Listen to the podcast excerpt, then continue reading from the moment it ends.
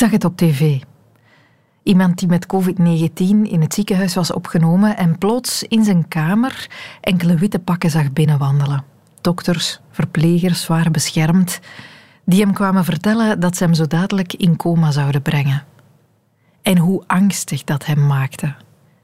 Hij vertelde niet zoveel, maar uiteraard overviel hem op dat moment het besef dat hij dit misschien niet ging halen dat dit misschien zijn laatste bewuste momenten waren, daar in die ziekenhuiskamer met die witte pakken om hem heen.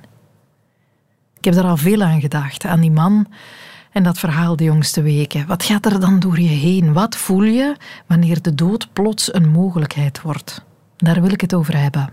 Welkom in de wereld van Sophie.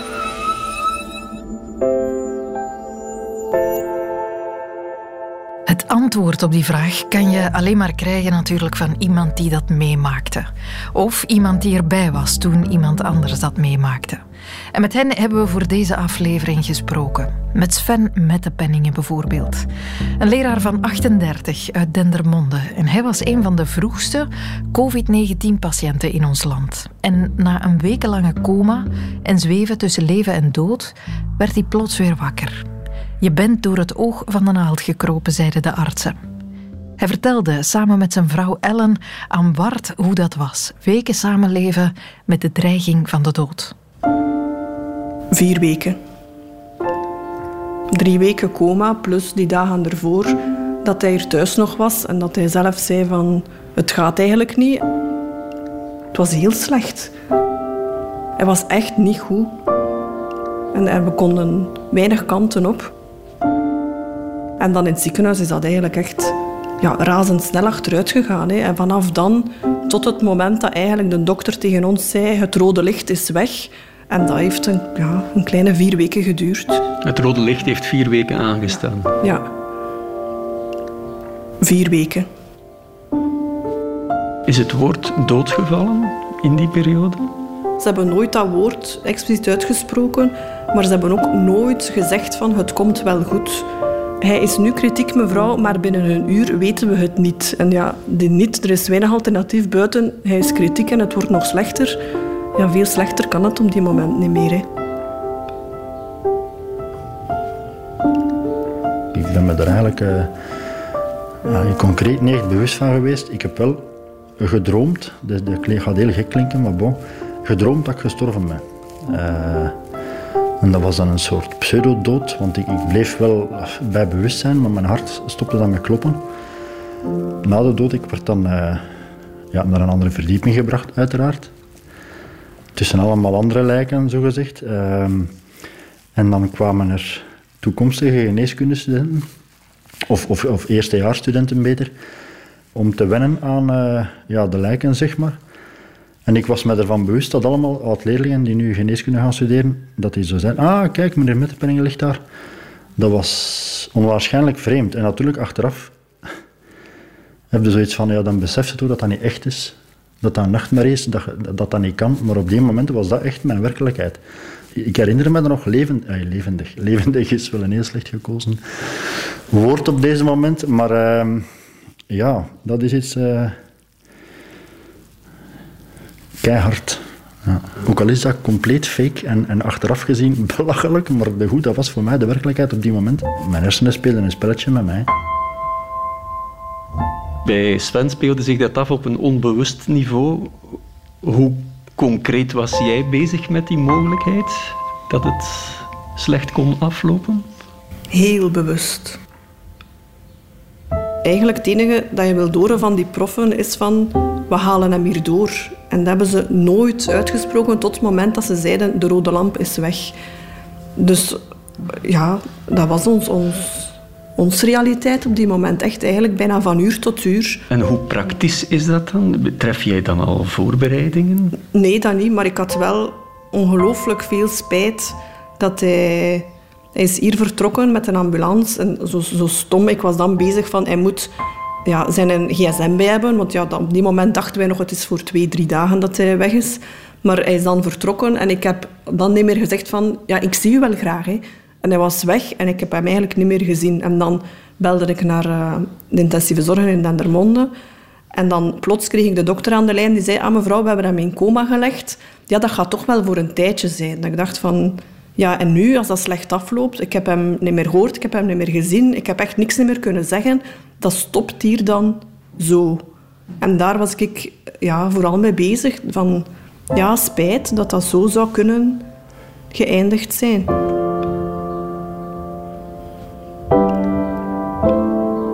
En ik heb ook bijvoorbeeld allee, minder enge dingen gedroomd. Ik had bijvoorbeeld het besef dat in Amerika Donald Trump was neergeschoten. Dat, dat heb ik gedroomd. Ik had dat gehoord op de radio in mijn droom. Dus dat was voor mij echt. En dan de moment dat ik terug kon praten, dat is dan, ja, ondertussen spreken we al zeker een dag of vier, vijf na mijn ontwaken.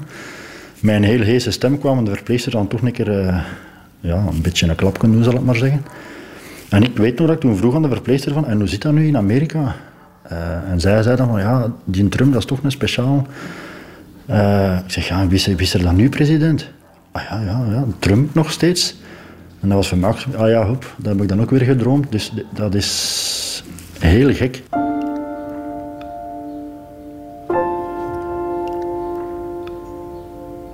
Het is nog allemaal heel recent nu en heel vers.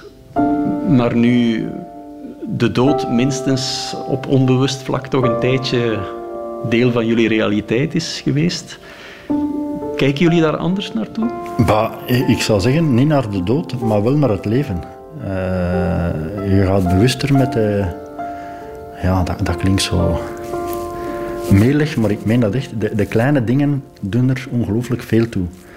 De periode voor ik ja, erg ziek werd, had ik nogal een druk sociaal leven, laten we zeggen. Veel avonden weg met de vrienden, veel concertjes, veel...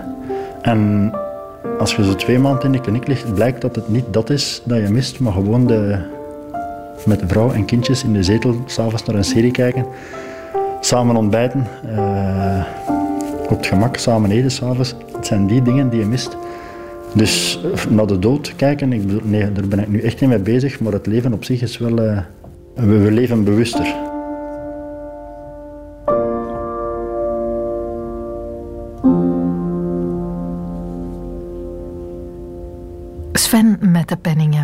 Van de vroegste COVID-patiënten van ons land. Het is nogal een crisis hè, waar we samen in beland zijn. Ik denk dat we allemaal nog een beetje verbluft om ons heen zitten te kijken van wat er plots allemaal aan het gebeuren is in de wereld en hoe snel alles verandert. Ik hoorde iemand zeggen dat wat we vandaag opnieuw leren, dat dat is dat we kwetsbaar zijn, sterfelijk zijn en dat de dood een essentieel deel van het leven is. We hadden dat zo wat van ons afgeschoven, de dood. En corona leert ons daar nu weer kennis mee maken. Ik had het daar ook over met fotografe Lieve Blankaert. Zij bezocht onlangs de COVID-afdeling van het UZ Gent om die crisis van nu te documenteren. Maar ze maakte ook al eerder een docureeks Last Days over afscheidsrituelen in verschillende culturen. En zij was het daar volmondig mee eens. Ja, absoluut. Ja, wij hebben daar echt. Uh, ik ga niet vooral menen, want ik weet dat er mensen daar ook totaal anders mee omgaan. Uh, maar het grote deel bij ons uh, denkt niet aan de dood. Uh, is de, de, dood is geen deel van ons leven. wij nemen de dood niet als een deel van ons leven. Wij, wij nemen de dood ergens als een eindpunt waar we absoluut niet willen aan denken. Terwijl er heel veel culturen zijn natuurlijk waar de dood zo een deel is van het bestaan. Uh, en waar mensen echt heel bewust omgaan met die dood en die dood ook omarmen op een of andere manier. Maar dat heeft ontzettend veel te maken met geloof, uiteraard. Hè. Uh, als je gelooft dat er uh, iets bijzonders is na de dood, als je gelooft dat, er, uh, een, uh, dat je de, het eeuwige zal bekomen of, of op een ongelooflijk paradijselijke plek zal terechtkomen, dat is natuurlijk een, een prachtige houvast om om niet zo bang te zijn van de dood zoals wij dat hebben. Hè. veel mensen bij ons die, die zien alleen maar dat grote zwarte gat in het niets. En dat maakt het heel donker om daarover te denken. En tegelijkertijd zien onze kinderen ook geen doden. Je moet er over nadenken hoe weinig uh, wij te maken hebben met een dood lichaam bijvoorbeeld. Als ik vergelijk in uh, bijvoorbeeld Toraja-land, dat is nu echt het uh, hele extreme van ons. Eh, daar, als een mens sterft bij de Torajas, dat is in Indonesië, eh, op Sulawesi. Als daar iemand sterft, dan nemen ze die doden in huis, soms voor jaren. Dan ligt die dode oma jaren op de zetel of, of in een bed in het huis. Daar wordt nog altijd tegen gesproken. Uh, zij geloven dat die spirit daar nog altijd is, dat die ziel nog aanwezig is. Dat is een soort lang, lang direct afscheid. Zo zag ik ook jonge kinderen uh, thuiskomen en hun boekentas in, in, de hoek gooien en, en gaan praten met hun oma en, en opa om te vertellen uh, hoe het was geweest op school, terwijl dat die mensen dood daar lagen. Dat is heel bijzonder. En ook heel mooi. En ik zeg niet dat ik het zou willen, maar er zat een heel veel schoonheid in. Omdat daardoor, ja, die kleuters al de dood en een dood lichaam als iets heel normaal zagen. Als iets liefdevol uh, aanvaarden in hun leven. En die mensen durfden aanraken, die doden durfden aanraken.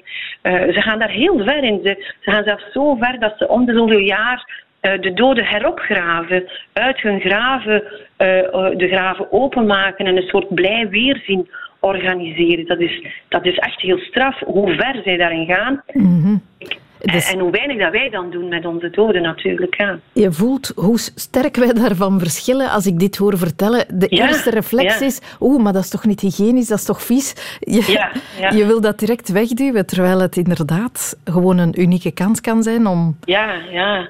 Eh, je moet je proberen af te vragen hoe, hoe ver dat wij zijn geëvolueerd. En wij, de mensen die we doodgraag zien, die we liefdevol, uh, onze moeders, onze vaders, onze kinderen, uh, en ik vooral gemeen niet, hè, want ik weet dat er mensen zijn die die daar totaal anders mee omgaan. Maar als iemand sterft bij ons, de ene minuut, net voor de dood, omarmen we die mensen nog. En zodra de dood is binnengekomen, kunnen we het niet meer. Dan is er een soort rem, dan, dan, dan, dan, dan, zijn we, dan is er een angst die ons overvalt.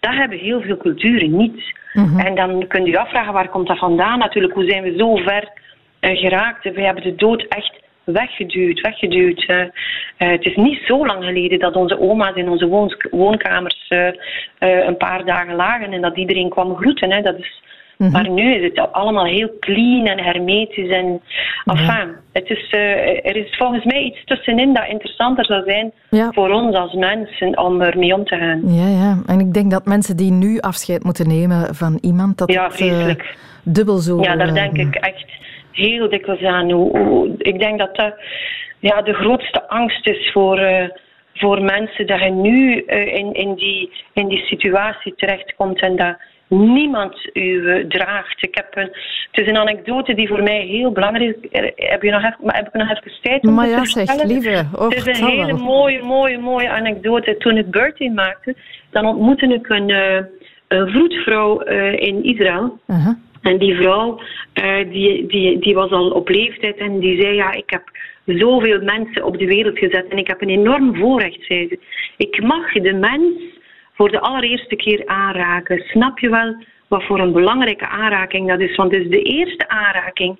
Hè, de eerste aanraking mhm. als je op de wereld komt, dat doe ik. Dus dat is een enorme plicht dat ik heb om die aanraking waardevol, liefdevol, warm, welkom. Dat is de belangrijkste aanraking in uw leven, zei die vrouw. Mhm. Ik vond dat heel ontroerend en ik had nooit erbij stilgestaan dat er inderdaad iemand is die u voor de allereerste keer aanraakt en dat dat een heel belangrijke aanraking is. Mhm. Ik had daar niet bij stilgestaan. Dan, dan vraag, stel u vragen over uzelf natuurlijk. Maar dan nu, na het maken van last days en ook uh, mensen rond mij uh, verloren te hebben, besef ik ook dat die laatste aanraking net zo belangrijk kan zijn. Hè? Als je de kans krijgt om die te hebben, als je de mhm. kans krijgt om elkaar te dragen naar dat moment, dan denk ik dat de cirkel echt heel mooi rond is.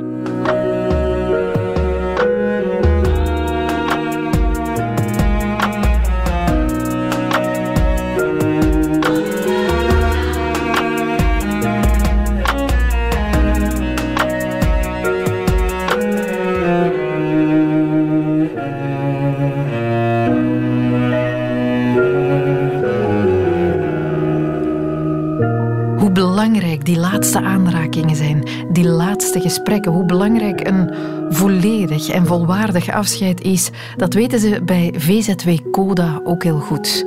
Coda is een huis waar zieke mensen hun laatste levensdagen doorbrengen. En ze worden daarbij ondersteund door een hele ploeg verplegers en verpleegsters, zorgpersoneel dat dag in dag uit in aanraking komt met de dood. Wat kunnen zij vanuit hun ervaring vertellen over dat leven net voor de dood? Lotte de Kaluwe zocht hen op. Eh, ik ben Corrie, ik werk hier eh, 15 jaar en eh, ik sta in de zorg. Ik ben dus verpleegkundige. Ik ben Anne, ik ben ook verpleegkundige hier en sinds 96, dus al een lange tijd hier. Ik ben Chris en ik ben hier uh, 13 jaar. Ik ben verpleegkundige ook en dat is een droomjob. Het lijkt misschien raar om te zeggen, want ik krijg ook altijd wel de vraag van, is dat leuk om daar te werken tussen die mensen die er allemaal gaan sterven? Maar je kunt daar soms nog zoveel voor betekenen, zoveel kleine dingen kunnen, kunnen doen. Um, dikwijls er zijn is al genoeg. Uh, je krijgt zoveel waardering van, van de mensen zelf, van de familie. Dat is eigenlijk een, een, een heel leuke job. Ja.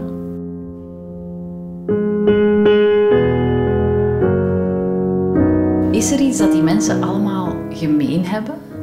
Zijn er zo lijnen te trekken in de dingen waarover ze praten? Uh, wat dat ze gemeen hebben, is dat ze allemaal op hun eigen unieke manier sterven.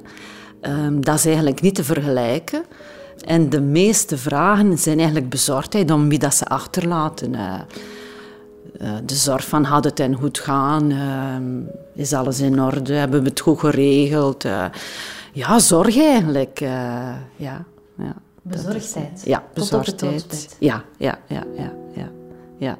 En soms is dat allemaal goed geregeld en, en kijken mensen met een gerust gevoel naar wat dat ze achterlaten en soms ook niet. En dat maakt het dan moeilijker om los te laten. Soms nog een conflict in de familie dat niet altijd op te lossen is. Maar we doen daar ook moeite voor om, om daarmee een oplossing voor te zoeken. Als we daar nog iets kunnen in betekenen om een stuk op weg te gaan, uh, relaties herstellen. Uh, ja, mensen opsporen soms, uh, dat ze al jaren niet meer gezien hebben en niet meer weten waar dat die zijn. En soms lukt dat, kunnen mensen nog terug bijeenbrengen. En dat is dan ja, het, het mooie, dat je dat nog kunt bewerkstelligen. Maar soms lukt dat ook niet en dan moet je dat ook aanvaarden samen met degene die gaat sterven, ja, dat er dingen niet opgelost zijn.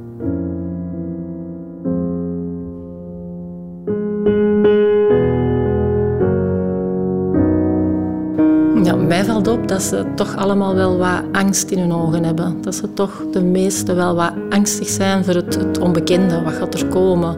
Hoe ga ik sterven?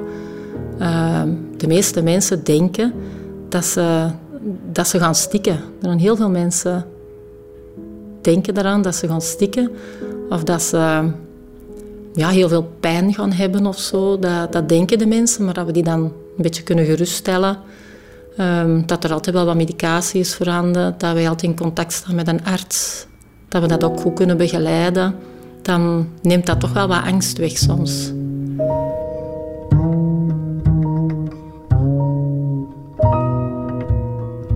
Hebben mensen veel spijt van dingen? Goh, spijt. Ik ervaar dat zo niet, dat mensen... Eigenlijk meer spijt dat het afgelopen is. Zo. Het verwondert mij dat zelfs mensen van 90 jaar... Uh, dat ook die nog spijt hebben. Zo van, die hebben een lang vol leven gehad. En, en ja... Allee, die willen er nog wel een stuk aan breien. Ja, dat is ongelooflijk hoe ja, de, levensdrang, hoe groot dat die is. Uh. En daar staat geen leeftijd op. dat, is, dat verwondert mij dikwijls.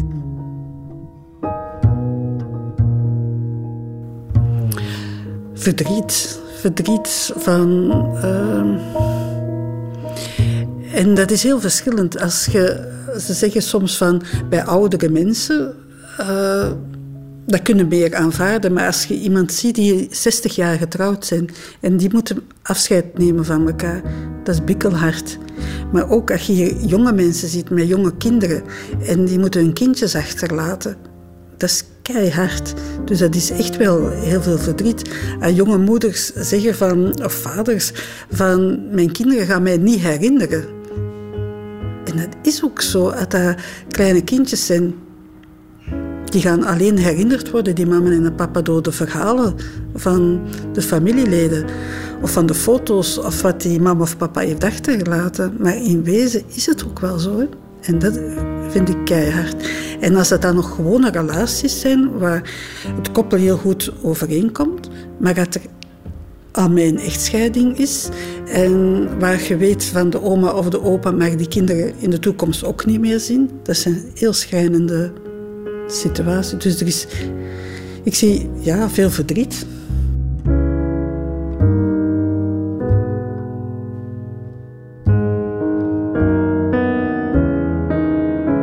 Is er ook uh, ruimte voor humor, voor grapjes? Of is het altijd ernstig? Nee, nee, nee, absoluut niet. Wij lachen eigenlijk wel Ja, dat, dat is ook zo voor ons persoonlijke manier van ontlading. We gaan met een zwaar thema om, maar ja, we, we lachen eigenlijk wel graag, eerlijk gezegd. En, uh... en de stervende ook? Ja, ik, daar moet je dus mee opletten dat je niet altijd dat zwaar thema aanhaalt. Zo van, ja, en hoe is het vandaag? Hè? Maar zo ook, allee, ja, waar kijkt u naar uit vandaag? Wat gaan we doen? Hè? Zo van, deze dag is nog een dag, hè? wat doen we ermee? En uh, ja, dan vraag je, heb je plannen voor vandaag? Je mag nog plannen hebben, ook al. Hè? En uh, dan komt er bezoek of kleinkinderen en het is goed weer, we gaan naar buiten. Ja, allee, we er toch wel enthousiasme in en ja, de veerkracht. Uh, ja, zeker. Uh, we hebben hier ook een piano staan, dus uh, we hebben nu een vrijwilliger die ook piano kan spelen en die komt hier dan eens. En allee, dat maakt het zo blij en luchtig. En, die kleine dingen maken dat juist zo extra hier. Je moet hier niet geen grootste dingen verwachten. Het zijn echt die hele kleine, kleine dingen die, die belangrijk zijn. Al de rest dat valt allemaal weg dat kan gewoon samen eten met elkaar. Dat is voor ons allemaal heel gewoon. Maar als je op het einde van je leven bent, zijn dat de warme momenten met elkaar. Dat je gewoon samen kunt, nog iets kunt eten, al is dat niet veel. Samen zijn. Dat is gewoon het voornaamste wat er is. Of een kleinkind die hier komt uh, spelen, of de eigen kinderen. Je moet er niet groter voor voorstellingen van maken. Een glasje champagne, ja. Dat smaakt lekker. En dat is, geeft ook iets feestelijk aan. En dat is een feestelijk moment. Dat klinkt misschien traag, maar dat glasje champagne is een betekenis van samen zijn. Dus dat is een feestelijk moment. Een, een kostbaar moment, want die momenten komen niet meer terug. Wordt er hier dan elke dag champagne gedronken? Er wordt wel veel champagne gedronken, ja. Ja, toch wel. Alles wordt gevierd. En het is soms van, als er iemand verjaart, van een patiënt, een gast, dan zeggen we, wat moeten we nu zeggen? Want ja, dat is moeilijk van op een kamer binnengaan en we voorzien taart of een glas, we voorzien iets. Maar wat zeg je tegen die persoon die gaat sterven en zijn laatste verjaardag? Maar toch is dat een bijzondere dag, dat ze met hun familie en ook met ons toch nog kunnen vieren. En wat zeg je dan? Ja, ik wens hun gewoon een hele fijne, aangename dag. Dat die een dag heel bijzonder voor hun mag zijn. Niet verder kijken dan die ene dag. Die ene dag, dat die maar bijzonder is. Voor hun en voor de familie.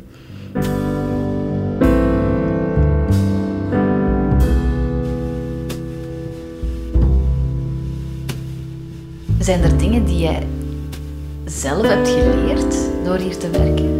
Dingen die de stervende mensen jou hebben bijgebracht?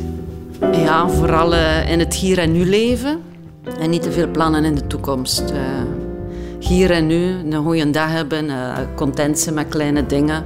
Ik denk dat je um, ja, alle dagen moet genieten en je zegt dat ook tegen iedereen. Je wenst iedereen een gelukkige verjaardag, geniet ervan. Je wenst iedereen altijd geniet ervan, geniet ervan. Dat is zo algemeen, maar toch doe je dat te weinig. Toch denkt je, och later, och als ik verlof heb, och als ik op pensioen ga, och als ik vakantie heb.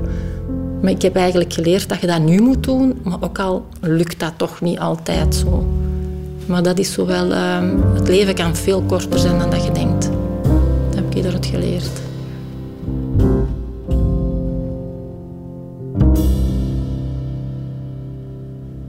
Hier en nu genieten van de simpele dingen, Wat Sven ook al zei, hè?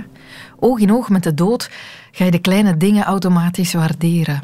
En kan er nog gelachen worden en een glaasje gedronken. Dat leerden we ook van Marijn. Marijn staat er niet goed voor. Ze heeft nog maar een aantal maanden te leven, dat weet ze. En dat weet ook haar partner. En dat weten ook haar kinderen. Want ja, Marijn is nog jong. En hoe dramatisch haar lot nu ook bezegeld is, het hindert haar niet om vandaag nog breed lachend de deur te openen voor onze reporter Brecht. Het gebeurt zelden dat je meteen bij het uitstappen al zwaaiend en lachend begroet wordt. Marijn is een gastvrouw. Piraat, ben ik piraat geweest. Dus dat is kinderanimatie. En daarna heb ik als receptioniste gewerkt. Uh, ja, dus wel veel praten, veel doen, maar nee, niet zoals nu. maar je was altijd een lachenbekje. Ja, dat wel. ja, eigenlijk al vanaf kleins af aan. Want ik moet het nu wel beschrijven, want mensen zien het niet, maar mensen, ik zie pretoogjes. Ja. Ik ben een beetje in de war, eerlijk gezegd. die, die zijn altijd, altijd gebleven. Die, die heb ik altijd gehad. Ondanks dat ehm, mijn leven eh, ja, op een eindigt. op een gegeven moment nu gaat stoppen ergens. Snel. Denk ik van ja, maar je moet vooral genieten. En dan van grote en kleine dingen, dat maakt niet uit. Maar van alles genieten. En vooral heel veel plezier hebben. Ik vlieg al wel iets meer uit dan misschien wettelijk zou mogen hier in België. Dus dat ik meer mensen ook bij mij in de tuin uh, komen en dat ik eventjes niet de bubbel van vier heb, maar ik pas heel erg op. Dus ik, ik hou mijn, mijn gezond verstand erbij. En, um, want ik kan niet uh, nog twee jaar in een bubbel blijven, want ik heb geen twee jaar meer. Marijn heeft uitgezaaide darmkanker. Sinds een jaar zit het overal in de longen. Zo hoopt de verjaardag van haar jongste zoon te halen. 28 september. Ze zei, uh, dit is waarschijnlijk dodelijk, maar ik ga het wel proberen. Maar toen kwam ik eigenlijk aan van, ja, maar mm, dan moet ik heel veel operaties ondergaan. Dan word ik fysiek slechter. Ik zeg, en dan als je tegen mij zegt, oh, ja, maar nu kan ik je niet meer genezen. Dan moet ik fysiek slechter nog gaan genieten van mijn laatste weken, misschien maanden. Ik zeg, dat ga ik niet doen. Ik zeg, dan liever nu. Dus daar heb ik in ja, januari met haar besproken. En nu, nu leef ik al vijf maanden eigenlijk. Ja. Je kijkt de dood in de ogen? Ja. Ja. En ehm, met een opgeheven hoofd, laat ik het zo zeggen. Ik, ik, ik had nog graag twintig jaar geweest, maar ja, als, als dat niet is, dan, dan, dan is dat niet. En ehm, ik praat er ook over. Ik praat er ook heel veel over met mijn jongens. Die nemen zelfs het al in de mond van mama, als je er dadelijk niet meer bent, dan eten we geen nooit meer groente. Dan, dan eh, mannen dingen. Maar ehm, omdat ik het ook gewoon wil. Ja, het is natuurlijk nooit gewoon. Als het, als het straks ook gebeurt, is het natuurlijk voor, voor hen ook groot verdriet en grote schok. Maar ik wil het er vooral ook met ze over hebben. En uh, en zo nu en dan gaat dat ook. En we huilen en we lachen met z'n allen hier. Ook, ook om de dood. We huilen om de dood, maar we lachen ook om de dood. Ja, vind ik wel ook heel belangrijk. Ze, ze zouden er helemaal niet mee hoeven te maken. Dat is mhm. natuurlijk voor hun veel te jong. Maar aan de andere kant denk ik, ja, uh, ja het, het, het, is voor hun ook niet anders. En ze hebben een, een, een, een mama die dadelijk doodgaat. En ze moeten daar in plaats van vier zijn, worden ze een gezin van drie. En, en ja. Zij staan ook met een dood in de ogen. Ja, zijn net zo goed. Zijn net zo goed. Misschien iets langer. Dus, ja, ja. Ja, ja, waarschijnlijk wel. Kijk, ik ben dadelijk dood en ik, ik weet het niet meer. En zij leven met het verdriet. Dus zij moeten er langer mee door dan, dan ik. Mhm. Ja. Maar dan heb ik gezegd, ik kom hunten. Nee. Ah, ja. Maar dat mag niet. Nee. Ze zei, nee, je mag niet komen hunten. Dus ah, nee, heb ik spoken. plechtig moeten, plechtig moeten, dat ik echt ja, moeten zweren dat ik dat niet kwam doen. Ik zeg, oké.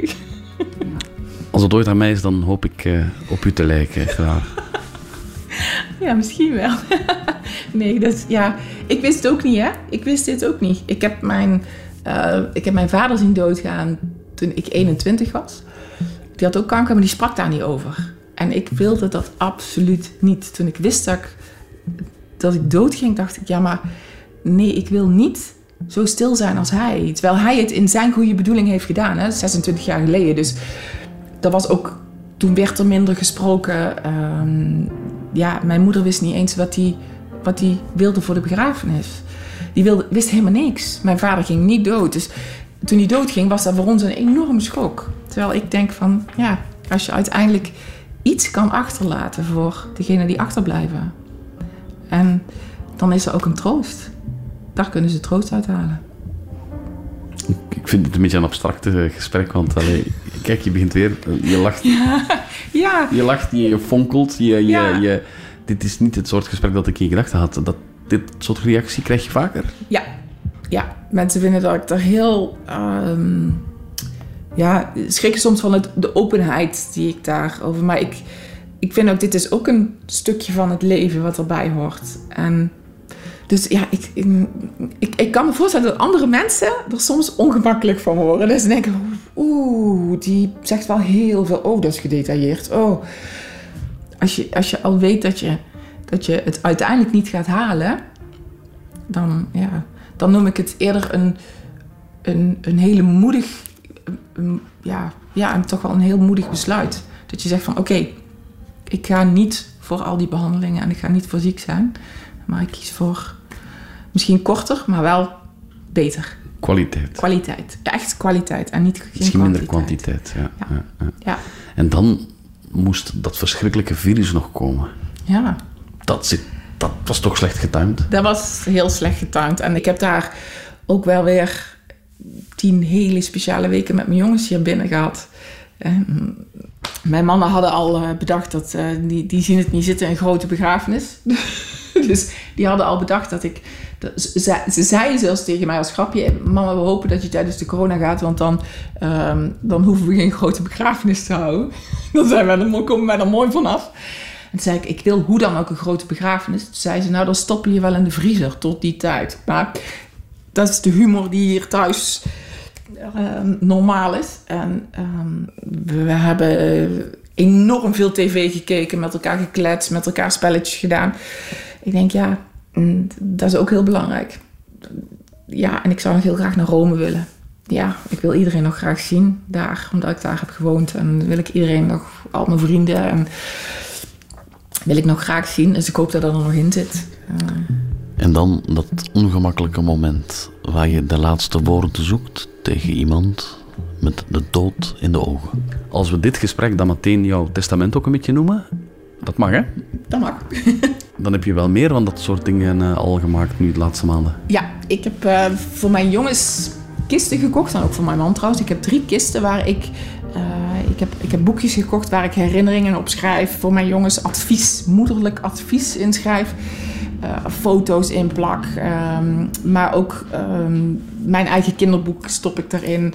Ik stop nog foto's erin, kleine cadeautjes. Dus een kist die hun troost biedt. Dat als ze straks verdrietig zijn of zich even mama willen herinneren, dat ze die open kunnen doen en zeggen: "Oh, Ja, daar zit mama in. Het lijkt op een mama die negen maanden zwanger aan haar geboortekaartjes werkt. Het is eigenlijk wel zo. Het is, het is ja, misschien wel. Ik, ik zei ook, ik was ook kasten aan het opruimen. En ik vroeg aan mijn ik zeg, is dat normaal? Ze zei, ja, je wil dingen netjes achterlaten. Je wil dingen opgeruimd achterlaten. Dat doen dus blijkbaar meer mensen. Meer mensen die de hele tuin helemaal klaar laten maken. Of goed in orde maken. Kasten laten, nieuwe bedden kopen. Omdat je dingen goed wil achterlaten. Dus ik, ik ben mijn jongens ook aan het leren strijken. Ze kunnen koken. Ze kunnen wassen. Omdat ik vind dat ze dat... Dat gaan ze nodig hebben. Vind ik sowieso dat mannen dat ook moeten kunnen. Maar ze moeten dat misschien eerder kunnen dan, dan normaal. Dan normale jongeren. Tegen het eind van het jaar. Ja. ja. Dus ik hoop dat, ze, dat ik ze wat kan achterlaten. En dat ze daarna zeggen... Oh, die mama, die heeft alles nog mooi geregeld. Dat is zo indrukwekkend, hè? Hoe zij straalt en sprankelt met de dood voor ogen. Het worden parels van kerels, die zonen van Marijn, dat weet je zo. Met zo'n voorbeeld in het leven en in de dood.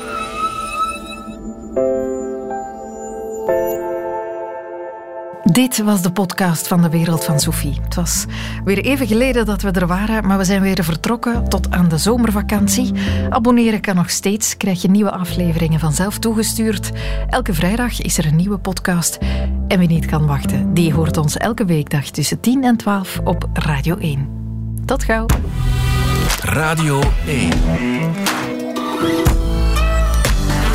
Altijd. Altijd benieuwd.